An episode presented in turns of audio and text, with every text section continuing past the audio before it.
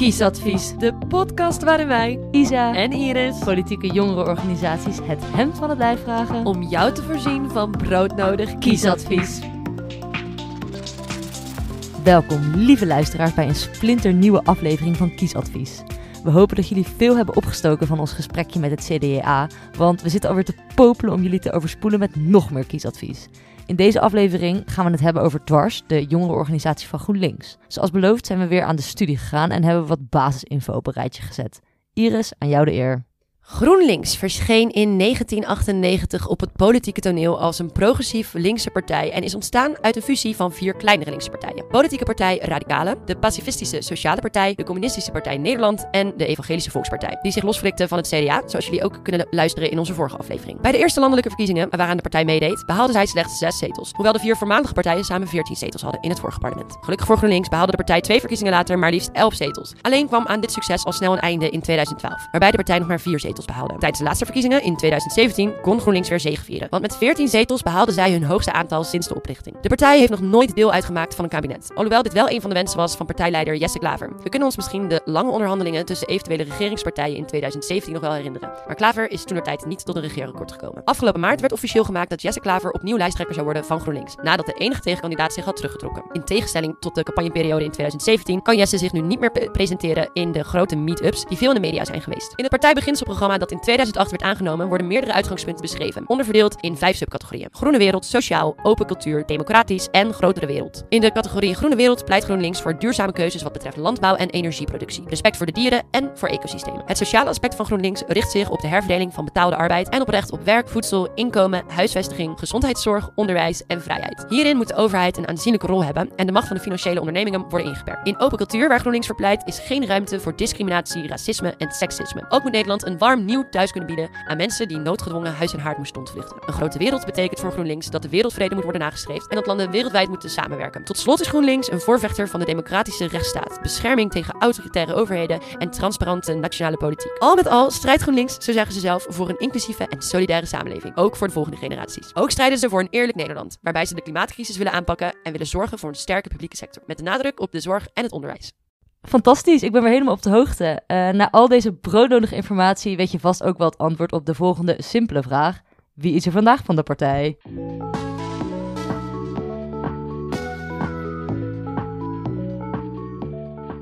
Onze gast vandaag is Sabine Scharwachter, de voorzitter van Dwars. Sabine, welkom. Fijn dat je er bent. Eh, kun je jezelf even voorstellen aan onze luisteraars?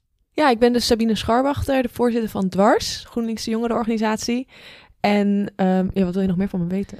Ja, we zijn vooral benieuwd naar eh, ja, hoe ben jij politiek geïnteresseerd geraakt? Hoe ben jij bij Dwars terechtgekomen natuurlijk ook specifiek? En hoe word je dan vervolgens voorzitter van Dwars? Want dat is natuurlijk ook weer een stapje verder dan gewoon actief zijn eh, binnen zo'n politieke jongerenorganisatie.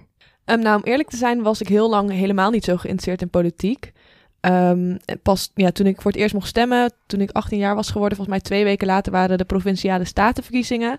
En toen ben ik wel gaan stemmen, omdat ik dacht, nou, hè, ik ben nu 18, ik mag nu stemmen. Ehm, maar ja, de provinciale staten die eh, spreken niet heel erg tot de verbeelding. Dus ik heb gewoon erg wat, wat ingevuld. Ehm, en dat was het eigenlijk. Ehm, maar dat, het jaar daarna, toen werd Trump verkozen in de Verenigde Staten. En dat was natuurlijk helemaal het nieuws met wat hij allemaal uitkraamde. En nou ja, dat vond ik best wel heftig toen hij ook daadwerkelijk verkozen werd. En toen heb ik ergens gehoord dat dat ook deels kwam omdat veel jongeren niet naar de stembus waren gegaan daar. En hier kregen we toen net Thierry Baudet erbij. Dus ehm, ja, toen dacht ik opeens, hè, shit, volgens mij... Hier eh, moeten we wat mee. hier, moet, ja, hier moeten we wat mee. En toen ben ik in mijn omgeving gaan vragen aan vriendinnen van... hey, eh, wat, gaan jullie stemmen? En ja, er was helemaal niet heel veel enthousiasme over. Dus ehm, ja, toen dacht ik opeens van... Oké, je kunt je wel niet bezighouden met politiek... maar politiek houdt je wel bezig met jou.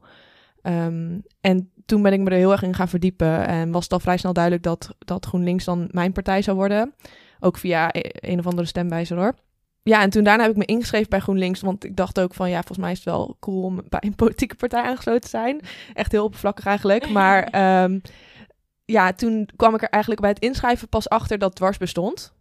Eh, dus dat is niet zo'n heel, heel spannend verhaal. En toen ben ik eigenlijk ehm, ben ik gewoon langs gegaan en ik dacht van ik weet helemaal niks van politiek. Ik ben gewoon vragen gaan stellen aan iedereen en zo, daar ben ik eigenlijk mijn pas echt politiek gaan ontwikkelen. Dus Maar wat een superleuk voorbeeld wel. Dus eigenlijk iemand die totaal niks had met politiek, ben jij uitgegroeid naar de voorzitter van Dwars. Een beetje bijna iemand zoals wij. Ja. Ik Beetje bijna iemand zoals ja, wij, het is ja. een beetje een uit de hand gelopen hobby geworden eigenlijk. Ja, heel nice. Nee, maar wel leuk dat eh, Trump dan dus ook heeft veroorzaakt dat er blijkbaar jongeren zijn die eh, wat In meer Nederland. in Nederland inderdaad wat politieker geïnteresseerd werden. Dat is ook wel iets moois. Ja, dat is een heel ver gevolg, maar wel heel ik leuk. denk dat het bij mij ook geholpen heeft dat toen ehm, Ale- Alexandria Ocasio-Cortez werd verkozen in het eh, parlement in Amerika. Want zij was natuurlijk de jongste daar ooit, 29 jaar. En nou ja, toen dacht ik, wow, voor het eerst echt iemand waarvan ik denk, niet zo'n saaie witte oude man in pak. Die hebben we in Nederland natuurlijk ook wel, maar niet echt iemand die mij heel erg aansprak. Dus dat heeft denk ik ook geholpen om mij er enthousiast voor te maken. Is zij dan eh, gelijk een beetje jouw politieke voorbeeld ook? Ja, het is heel cliché, maar eigenlijk wel. nou ja, ik vind het helemaal niet zo cliché hoor. Ik hoor het niet heel vaak. niet. Nee, zeker niet. Want wat spreekt je nog meer zo erg aan in haar? Ze is jong. Ehm, ja, ik denk dat het gewoon is eh, dat die energie en dat enthousiasme en ge- gewoon een soort van hele. eh, er ligt heel veel passie in wat zij doet. En dat mis ik soms in Nederland nog wel. Ehm, maar wie weet komen daar volgende verkiezingen veranderingen in. Ja, dat zou fijn zijn. Ja, dat zou ben leuk benieuwd. zijn.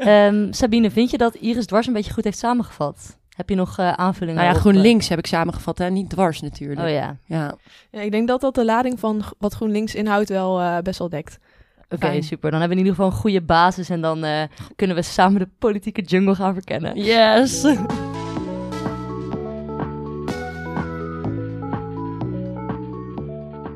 Voordat we eh, meer de diepte induiken over de politiek en over dwars en over GroenLinks en alle standpunten, eh, hebben we natuurlijk even een bodem nodig. Sabine, welke typische dwarssnack heb je meegenomen voor de snackcheck en waarom past deze snack goed bij dwars? Nou ja, toen jullie mij vroegen wat een typische dwarssnack is, toen dacht ik meteen aan eh hummus. Want ja, veel dwarsers die eh, eten veganistisch of vegetarisch. En ehm hummus is gewoon ideaal omdat je het op je brood kan smeren. Je kan er alles in dippen. Dus ehm, ja, dat wordt aardig wat eh, gegeten bij ons. En zelfs ons wifi-netwerk heette heel lang broodje hummus. Dus zo, zo diep gaat het. We gaan even hiervan smullen en dan zijn we zo bij jullie terug voor het echte werk.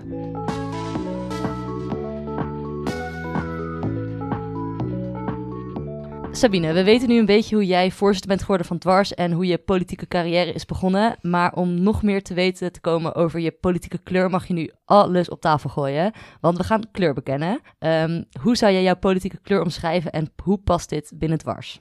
Nou, bij dwars kun je ehm, onze politieke kleur heel goed samenvatten in kleuren. Want eh, meestal zeggen we dan groen. Nou, dat spreekt denk ik voor zich. Gaat over klimaat en milieu. Rood, dat staat voor de sociaal-economische thema's, dus echt de linkse onderwerpen. En dan paars, en die is misschien wat minder bekend. Paars houdt in dat, eh, dat, dat omvat eigenlijk alle vrijzinnige onderwerpen. Dus denk daarbij aan ehm, eh, antidiscriminatie, feminisme, maar voor, ja, vooral de vrijheid om jezelf te kunnen zijn. Ehm, dus dat valt dwars denk ik heel goed samen. En in ons beginselprogramma ehm, noemen we vijf ja, eh, speerpunten, zeg maar. Ehm, dat is duurzaamheid, solidariteit, vrede, democratie en ehm, ik mis er eentje. Deze, ik vergeet er altijd één. Oh ja, vrijheid. Ja, ja vrijheid is de laatste. Ehm, en eigenlijk al onze standpunten rollen daar, daaruit. We hebben ook een eigen politiek programma waar eh, dat gebaseerd is op deze vijf ja, beginselen. Dus het politieke programma, even voor onze luisteraars, dat is niet hetzelfde als een verkiezingsprogramma, hè? Nee, ehm, het verkiezingsprogramma is inderdaad het programma van GroenLinks, waarmee zij de verkiezingen ingaan en wat zij dan de aankomende vier jaar willen bereiken. En Dwars heeft een eigen politiek programma en ehm, ja, daar staan eigenlijk, dus eigenlijk, het lijkt heel erg op een verkiezingsprogramma, maar dan gemaakt door Dwars. Er zijn ook eh, andere standpunten in en wij gebruiken dat eigenlijk ook om ja, invloed uit te oefenen op GroenLinks, om onze standpunten onder de aandacht te brengen. Oké, nou de toon is gezet, de kleur is bekend, dus we kunnen door met het echte werk.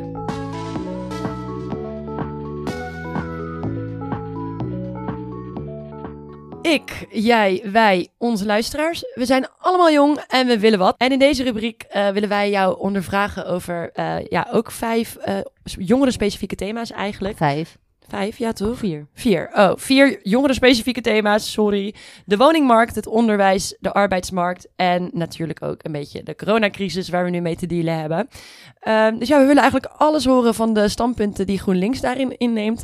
En misschien ook wel hoe dwars daarin verschilt van GroenLinks. En we beginnen natuurlijk bij de basis, een dak boven je hoofd. Het probleem rondom de volkhuisvesting, zo werd ons verteld de woningcrisis te noemen, eh, wordt ook erkend door GroenLinks. Ehm, hoe belangrijk is het thema binnen Dwars en komt dit ook terug in het verkiezingsprogramma? En ehm, vooral, wat zijn jullie oplossingen en standpunten eh, op dit thema? Ja, volkshuis, ik denk dat we op het gebied van volkshuisvesting best wel overeenkomen met wat GroenLinks vindt. Ehm, we vinden gewoon dat iedereen een dak boven zijn hoofd nodig heeft en dat het een basisrecht moet zijn en dat de overheid ook moet zorgen dat iedereen een, eh, een, goed, een goede woning heeft. Maar ik denk dat Dwars bijvoorbeeld wel al langer ehm, bezig is met het onderwerp volkshuisvesting en dat eh, ja, GroenLinks gaat, je hoort GroenLinks er nu steeds vaker over. Ehm, dat geldt trouwens voor veel onderwerpen zo waarin wij verschillen met GroenLinks. Kijk, in, in de basis vinden wij, hebben wij dezelfde idealen, dus dat, daar, daarin verschillen we niet. Eh, of niet veel, maar de uitwerking. Wij hebben als politiek jongerenorganisatie veel minder eh, de politieke verantwoordelijkheid. We hebben minder te maken met de politieke realiteit, hoeven minder rekening te houden met draagvlak. Ehm, al die zaken. Dus voor GroenLinks is soms de uitwerking heel anders dan wat wij het liefst zien. Dus in dat opzicht heeft dwars of elke PO best wel een luxe positie. Want je staat met één been in de parlementaire democratie en met het andere been in de maatschappij. Eigenlijk en tussen de sociale bewegingen. Dus dan, ja, je ziet gewoon dat ehm, de afgelopen twintig jaar waarin we neoliberale rechtsregering hebben gehad, dat er ja, constant eigenlijk dit soort crisissen ontstaan. Crisis is het volgens mij. Crisis. vorige Ik deed het keer. vorige keer ook Oh, fout. vorige aflevering was het precies Crisa. Crisai. ja. Nee, maar crisis. Yes, is ja. het. ja, klopt. En ehm, ik denk dat GroenLinks in theorie ook het liefst veel meer cri- ja, een crisis wil voorkomen. Dat je eigenlijk een wereld wil waarin ja, dat helemaal niet mogelijk moet zijn. Dus een beetje van dat sociaal-liberale afkomen om die vri- crisissen voor, crisis, Ja. sorry, voor te zijn. Ja, want... eh, Want hoe had het voorkomen kunnen worden dan, denk jij? Als we nu, stel dat jij inderdaad, eh, dat GroenLinks aan de macht was geweest de afgelopen vier jaar, of afgelopen tien jaar. Want ze hebben volgens mij dus inderdaad nog nooit, daar hebben we het net over gehad, dat ze nog nooit eh, in het eh, parlement hebben gezeten. Maar ja, wa- wa- wat, had er, wat had er moeten gebeuren om Mhm. dit te voorkomen te moeten hebben, zeg maar? Wat, ja, wat is er Ja. misgegaan? Ja, nou, ik ben geen expert op het gebied van wonen, maar wat je ziet is dat ehm, de afgelopen jaren de woningmarkt steeds verder is geliberaliseerd. Dus ehm, eerst had je ook veel meer sociale huurwoningen die ook beschikbaar waren voor meer middeninkomens. En nu is dat eigenlijk ja, steeds meer eh, vrije sector geworden. Alleen daardoor zie je dus dat eh, ehm, ja, die marktwerking in, op de woningmarkt helemaal niet werkt. Want ja, je zou zeggen in theorie vraag en aanbod sluiten op elkaar aan. Maar je ziet veel hogere vraag dan aanbod nu. Eh, en dat is echt niet alleen maar omdat er te weinig gebouwd wordt, maar ook omdat de dingen leeg staan. En waarom sluit dat niet op elkaar aan? En GroenLinks en Dwars zeggen dan van... hey, volgens mij moet je als overheid gewoon dat veel meer coördineren... zodat, er, zo- zodat iedereen gewoon een woning heeft en dat er geen tekorten zijn. En dat het ook betaalbaar is natuurlijk. Dus de overheid had iets, min, iets meer zelf de touwtjes in handen mogen nemen wat het dwars betreft. En eh, eh, iets minder het aan de markt zelf moeten overlaten. Ja, het is net zoals met onderwijs en zorg. Zijn eigenlijk die dingen die hele grote maatschappelijke waarde hebben. En waarvan je zegt, nou, dit is echt super belangrijk om gewoon ja, een, een fijn leven te leiden. Ehm, wij zeggen dat kun je niet overlaten aan, aan de vrije markt. Want dan, dan zie je, en dat zie je ook continu, dat, dat ja, dan op een gegeven moment ehm, de, de ge- ongelijkheid in wie daar wel toegang tot heeft en wie niet, dat die alleen maar toeneemt. En ja, dat wil je eigenlijk voorkomen, het liefst. Ja, en inderdaad, maar het is nu dus niet gelukt eigenlijk om het te voorkomen, want er zijn nu gewoon heel veel tekorten. En jij zegt ook, bouwen is niet per se de... ehm, De, enige- oplossing, ja. Precies. En wat is volgens jou, als je een soort van één ideale oplossing zou moeten bedenken, of eh, een soort nu noodplan? Ehm, nou, ik denk zeker dat bouwen wel onderdeel is van het probleem. De, of, of van de oplossing, sorry. Ehm, maar bij ons is natuurlijk ook... Je hebt altijd weer die afweging van... Ga je ehm, gewoon bouwen, bouwen, bouwen? Ehm, maar wat voor een eisen moet je aan die woningen dan opleggen? Want wij vinden duurzaamheid ook belangrijk. Dus daar willen we ook wat mee. Dus die afwegingen maak je constant. Of bijvoorbeeld moet je zomaar in het groen gaan bouwen... of wil je ook eh, de hoogte in liever? Maar ik denk wat hierbij belangrijk is... dat en ik denk ook echt dat GroenLinks in theorie dat heel goed zou kunnen. Dat je juist al die verschillende problemen eh, heel als één groot ding bekijkt. Dus als je zegt, hé, hey, maar als we gaan bouwen, dan moeten we ook meteen daar duurzame oplossingen in verwerken en zo. Ja, want je had het net ook al uh, over het onderwijs en over de zorg. Uh, en we wilden eventjes ingaan op het onderwijs. Mm -hmm. uh, want je zei inderdaad ook al dat dat de regering dat ook al wat meer geprivatiseerd heeft, misschien dan uh, GroenLinks dat zou willen zien. Uh, maar we willen even specifiek kijken naar de studiefinanciering. GroenLinks heeft natuurlijk ook ingestemd uh, tegen de tijd dat daarover gestemd werd. Ja, hoe staat GroenLinks daar nu tegenover? Zijn ze nog steeds blij met het leenstelsel zoals die nu is ingericht? Of komt er in het verkiezingsprogramma misschien wel een alternatief? Nou, allereerst um, wil ik even benadrukken dat dwars nooit voor sociaal leenstelsel is geweest en daar altijd tegen geweest. Um, dus ja, dat is een beetje jammer inderdaad dat GroenLinks daar uh, wel um, mee heeft ingestemd. Kijk, GroenLinks is een hele idealistische partij. Dus het kan heel vreemd overkomen dat zij ingestemd hebben met, een, met het sociale leenstelsel. Maar tegelijkertijd is het ook een hele pragmatische partij. dus zij hebben waarschijnlijk, ze hebben toen in de tijd heel erg gekeken naar, er gaat sowieso een leenstelsel komen. Want de regering wilde dat. Hè, daar was niet heel veel meer aan te doen. En toen heeft GroenLinks eigenlijk gedacht: we gaan mede, dit mede indienen of mede, dit plan gaan we, we gaan meewerken in dit plan, zodat we nog invloed op kunnen hebben en ook ervoor kunnen zorgen dat het nou, nog socialer wordt en eigenlijk um, nou ja, minder kut dan het nu is. Um, en ja, dat is natuurlijk wel dat het heel erg lijkt voor iedereen van hey, GroenLinks heeft dit hele plan is helemaal akkoord, akkoord met het hele plan. Terwijl op het moment dat GroenLinks het helemaal voor het zeggen zou hebben gehad, was dit plan er natuurlijk nooit geweest. Het was een beetje roeien met de riemen die ze hadden op dat ja, moment. Precies. Ja. Dus dat is ook weer een heel goed voorbeeld waarin GroenLinks toch um, ja, on, de idealen wel heeft, maar dan toch heel erg kijkt wat is er nu in, de, in deze situatie, in dit moment mogelijk en daar gewoon mee werken. Trouwens, voor iedereen die wat meer wil weten over ideologisch en pragmatische partijen. Luister onze eerste aflevering. Nee, tweede aflevering, maar ja, inderdaad. Tweede aflevering. Dat. Nee, ook in de eerste hebben we ook die begrippen besproken. Allebei. Luister gewoon alle, al onze afleveringen altijd. maar goed, om nog even door te gaan op onderwijs. Het geld dat vrijkwam, dat was eigenlijk dus bedoeld om verbeteringen in het onderwijs te realiseren. Daarom is in eerste instantie die basisbeurs afgeschaft en het leenstelsel ingevoerd. Um, denk je dat het, ben je van mening dat het is gelukt en um, dat er verbeteringen zijn doorgevoerd waarvan je denkt, nou oké, dat was misschien wel waard? Of uh, heb je andere uh, standpunten over onderwijs waar echt nog verbetering uh, mogelijk is vanuit dwars? Um, nou, volgens mij zijn die investeren, die beloofde investeringen die beginnen nu pas te komen. Dat betekent dus ook dat veel studenten die ja, onder het leenstelsel vielen, daar helemaal niks meer aan hebben.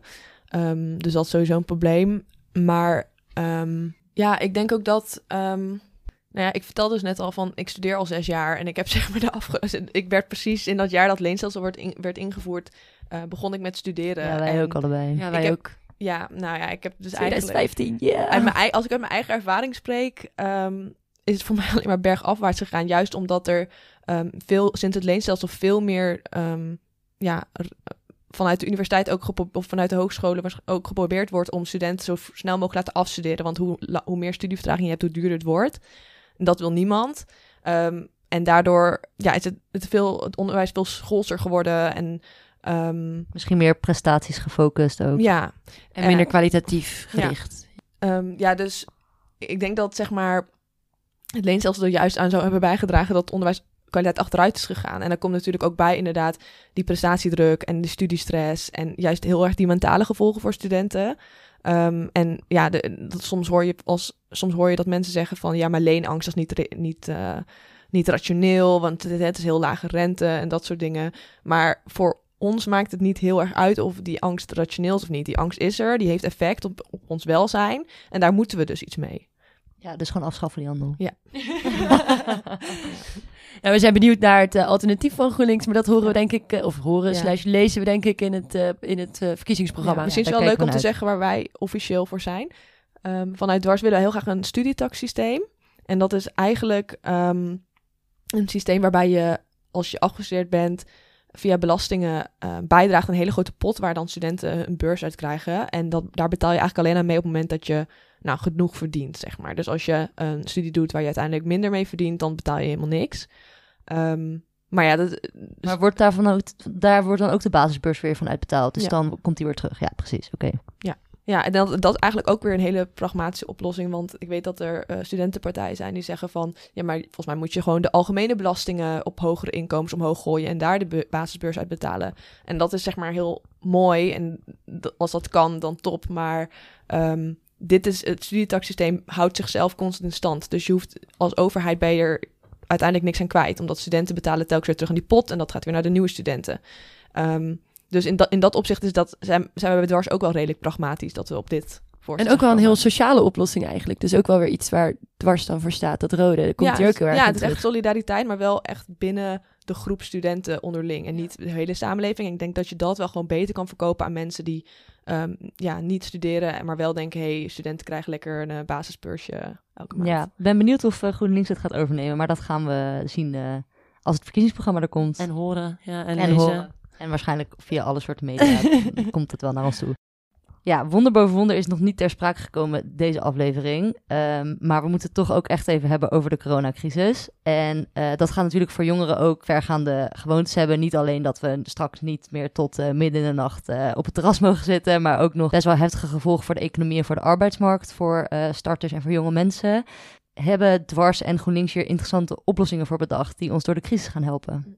Um, nou, ik denk dat de coronacrisis heel erg blootlegt wat er eigenlijk al langer ja, niet goed ging in, in de manier waarop we onze economie hebben ingericht en de manier waarop we omgaan met ook het klimaat en het milieu. Um, dus bijvoorbeeld op de arbeidsmarkt zie je dat er al langer flexibilisering plaatsvond, waardoor heel veel, ja, ook met name jongeren steeds minder bestaanszekerheid hadden, voor zekerheid voor de toekomst, veel minder goed aan hun toekomst konden werken en bouwen. En dat, ja, corona maakt het eigenlijk nog weer tien keer zo erg. Um, dus ik denk dat corona in dat opzicht wel heeft geholpen om daar meer aandacht voor te vragen. Wake-up call. Bijna wel, ja. Want je hoort nu bijvoorbeeld voor, was uh, pas geleden dat de ChristenUnie volgens mij ook opeens um, de aanval opende op het neoliberalisme. En nou, dat is dus wel interessant, want dan kun je veel meer gaan kijken van... hey, um, hoe gaan we uit de crisis komen? Volgens mij moeten we dan niet doorgaan zoals we al altijd al deden, maar juist um, dit, ja, dit als een keerpunt aangrijpen en met een heel nieuw systeem komen, waar iedereen, waarin iedereen wel ja, die zekerheid heeft. Dus uh, GroenLinks hoopt eigenlijk dan in dat geval dat uit deze crisis een wat socialere manier komt van regeren sowieso en het land besturen en dus een socialere samenleving. Nou, ik denk dat um, dat uh, ja, onder andere GroenLinks, maar ook partijen die soortgelijke idealen hebben, dan wel onderdeel moet zijn van de, van de volgende regering. Want ik heb er niet veel vertrouwen in dat uh, ja, de regering die we nu hebben ook de daad bij het woord gaat voegen. Want hoe zouden Dwars en GroenLinks dan nu de huidige situatie uh, op onder andere de arbeidsmarkt willen oplossen als, ja, als het zou kunnen? Een soort van, als, er, als er niet dat neoliberale systeem zou zijn waar het net over had. Nou, ik denk dat het heel belangrijk is dat um, er met een plan wordt gekomen waarin, ja, nu kom ik weer terug op, je moet echt al die problemen bij elkaar nemen en zeggen, als je bijvoorbeeld hebt over um, duurzaamheid, uh, en je zegt, we willen hè, energietransitie, kolencentrales sluiten en zo, um, dat, dat gaat banen kosten, maar kan ook heel veel banen creëren. Dus op die manier kun je een soort van klimaatverandering en de oplossing daarvoor aangrijpen om ook weer de problemen op de arbeidsmarkt aan te pakken. Dat is een voorbeeld. Dus combineren inderdaad. Ja, je, zegt van, je kunt heel veel problemen misschien tegelijk oplossen als je gewoon daar eff, soort op een efficiënte manier over nadenkt. Ja, je moet eigenlijk uh, heel, heel erg niet kijken naar wat is het probleem hoe, um, en hoe lossen we dat nu op korte termijn op, maar echt die lange termijnvisie is super belangrijk nu. En wat het lastig maakt in de politiek is dat dat juist weer moeilijker te verkopen is aan je kiezer. Want een kiezer die ja, je kan niet heel, op korte termijn veranderen. Dat hele hoe de wereld in elkaar zit, uitleggen in je campagne. Je moet ook met soort van concrete oplossingen komen waarvan een kiezer zegt: Oh, hier heb ik ook wat aan meteen. En niet, hey, dit is de visie waar we in de aankomende tien jaar heen willen. Ja, je merkt ook dat wij daar natuurlijk een beetje naar vragen. Hè? Van heb je een concreet, nu willen nu een concrete oplossing voor zoiets hebben. Maar ja, dat is natuurlijk veel complexer dan, dan het lijkt. Uh, Sabine, jij bent natuurlijk ook jong en je wilt wat. Over welke jongere specifieke thema's zou jij het nog even met ons willen hebben voordat we doorgaan naar de volgende rubrieken? Of wat is, van, van, zo, wat is vanuit uh, dwars heel belangrijk, wat wij nog niet genoemd hebben? Echt specifiek ook voor jongeren dan, zeg maar. Dus we hebben het over onderwijs.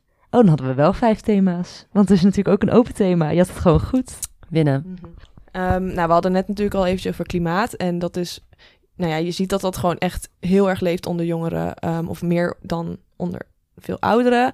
Ehm, want ja, ze zeggen nu, hey, we hebben nog uh, negen jaar, wat was het, of misschien zelfs zeven. Ik zie van alles voorbij komen voordat we op een punt zijn gekomen waarop um, ja, de klimaatverandering heeft geleid tot ja, gevolgen die niet meer omkeerbaar zijn.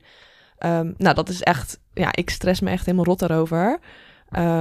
dus Um, dat is denk ik, en ik ben wel een beetje, ik denk wel een beetje dat uh, klimaat een beetje ondergesneeuwd is geraakt door corona. En um, ik denk dat het voor veel jongeren wel belangrijk is dat dat ook, ja, deze verkiezingen wel een thema blijft. Um, en wij vroegen het ons heel erg af, daarom staat hij ook niet in ons rijtje per se van, zal het nog wel een echt verkiezingsthema worden? Omdat, omdat er nu zoveel andere dingen spelen. Ja.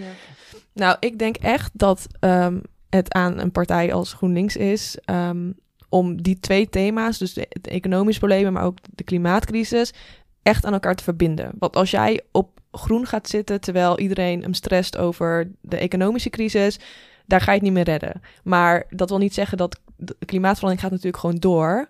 Um, maar volgens mij moet dat gewoon één en hetzelfde verhaal worden. Dus eigenlijk zeg je, met al die andere uh, problematiek en alle andere crises die we hebben, uh, moet je gewoon blijven verbinden aan duurzaamheid en aan klimaat. Ja, en dat zit ook een beetje in de naam GroenLinks. Hè. Het is groen en links, maar um, dat betekent niet dat je af en toe groen doet en af en toe links, maar echt die twee dingen aan. Ze hebben op een gegeven moment ook de schrijfwijze veranderd van groen spatie links naar groen links aan elkaar. En ik denk ook dat dat heel mooi samenvat. Dit is echt een leuk fun fact, want dat hebben wij ook met onze eigen naam gedaan. We, ja, we heet eerst kiesadvies met de spatie. Nou goed, daar ga ik niet over uitweiden, maar ga vooral door. Ja, maar juist die, um, die verschillende ja, problemen met elkaar verbinden is echt waar GroenLinks voor staat.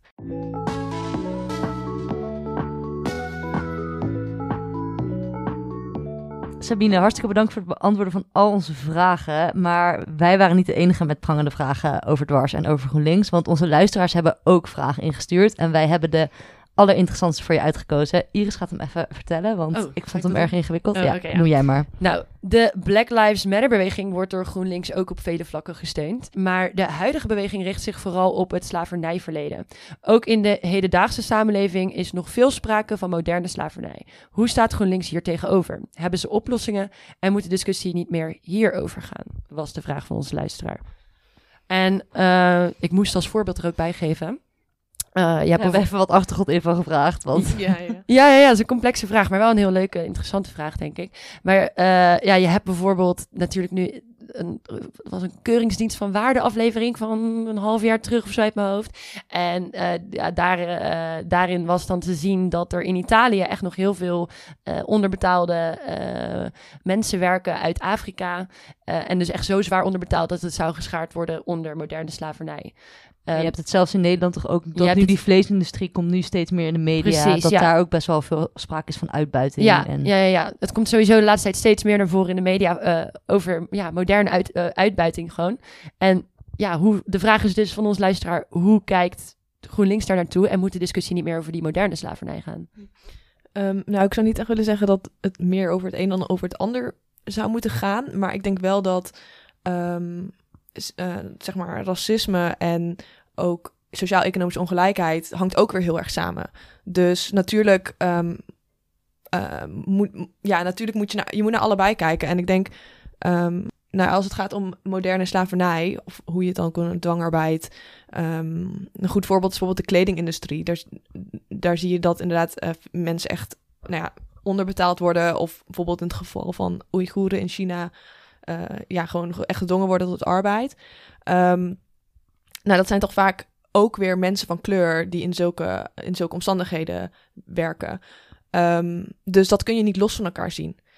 Dus ja, ik denk dat um, dat is ook weer dan een, een opdracht aan GroenLinks van hoe ga je die thema's weer verbinden? Hoe ga je laten zien van, hey, als wij het hebben over antiracisme of Black Lives Matter, dan bedoelen we niet alleen vanuit een historisch perspectief en hoe dat dan doorwerkt in onze hedendaagse samenleving, maar ook heel erg over hey, hoe, hoe, hoe is dat nu nog in de hele wereld? Want uh, die verhoudingen in, uh, tussen verschillende landen ze komen ook voort uit het koloniale verleden.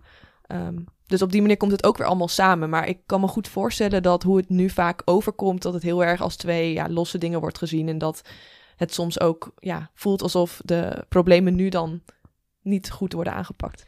Maar ook hierin zegt GroenLinks dus eigenlijk, je moet het samenpakken, je moet het weer verbinden. Dus het komt eigenlijk weer op Terugkerend thema. Ja, terugkerend thema inderdaad. Ja, nee, ja, dat is inderdaad iets wat, eh, wat ik zeg en wat, wat ik vooral zeg en vind, maar ook wat ik denk dat GroenLinks de potentie heeft om te doen. Maar dat, ja, ik hoop dat ze dus dit jaar dat ook nog extra goed laten zien.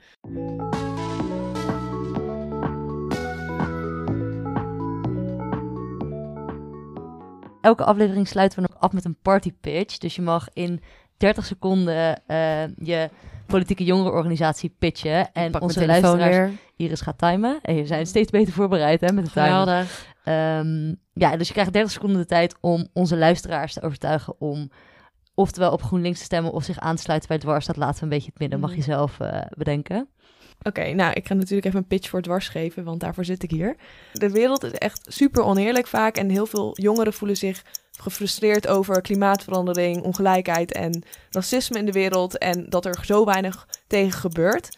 Ehm, maar dwars is echt een plek waar je die, dat gevoel van machteloosheid kan omzetten in energie. En we hebben toevallig afgelopen week ons 5000ste lid eh, verwelkomd. En daarin zie je dat eh, ja, jongeren ook, steeds meer jongeren ook echt de wereld willen gaan verbeteren. Dus ja, dwars is wel echt de plek om je in te zetten voor een wereld, eh, een duurzame, eerlijke en inclusieve wereld.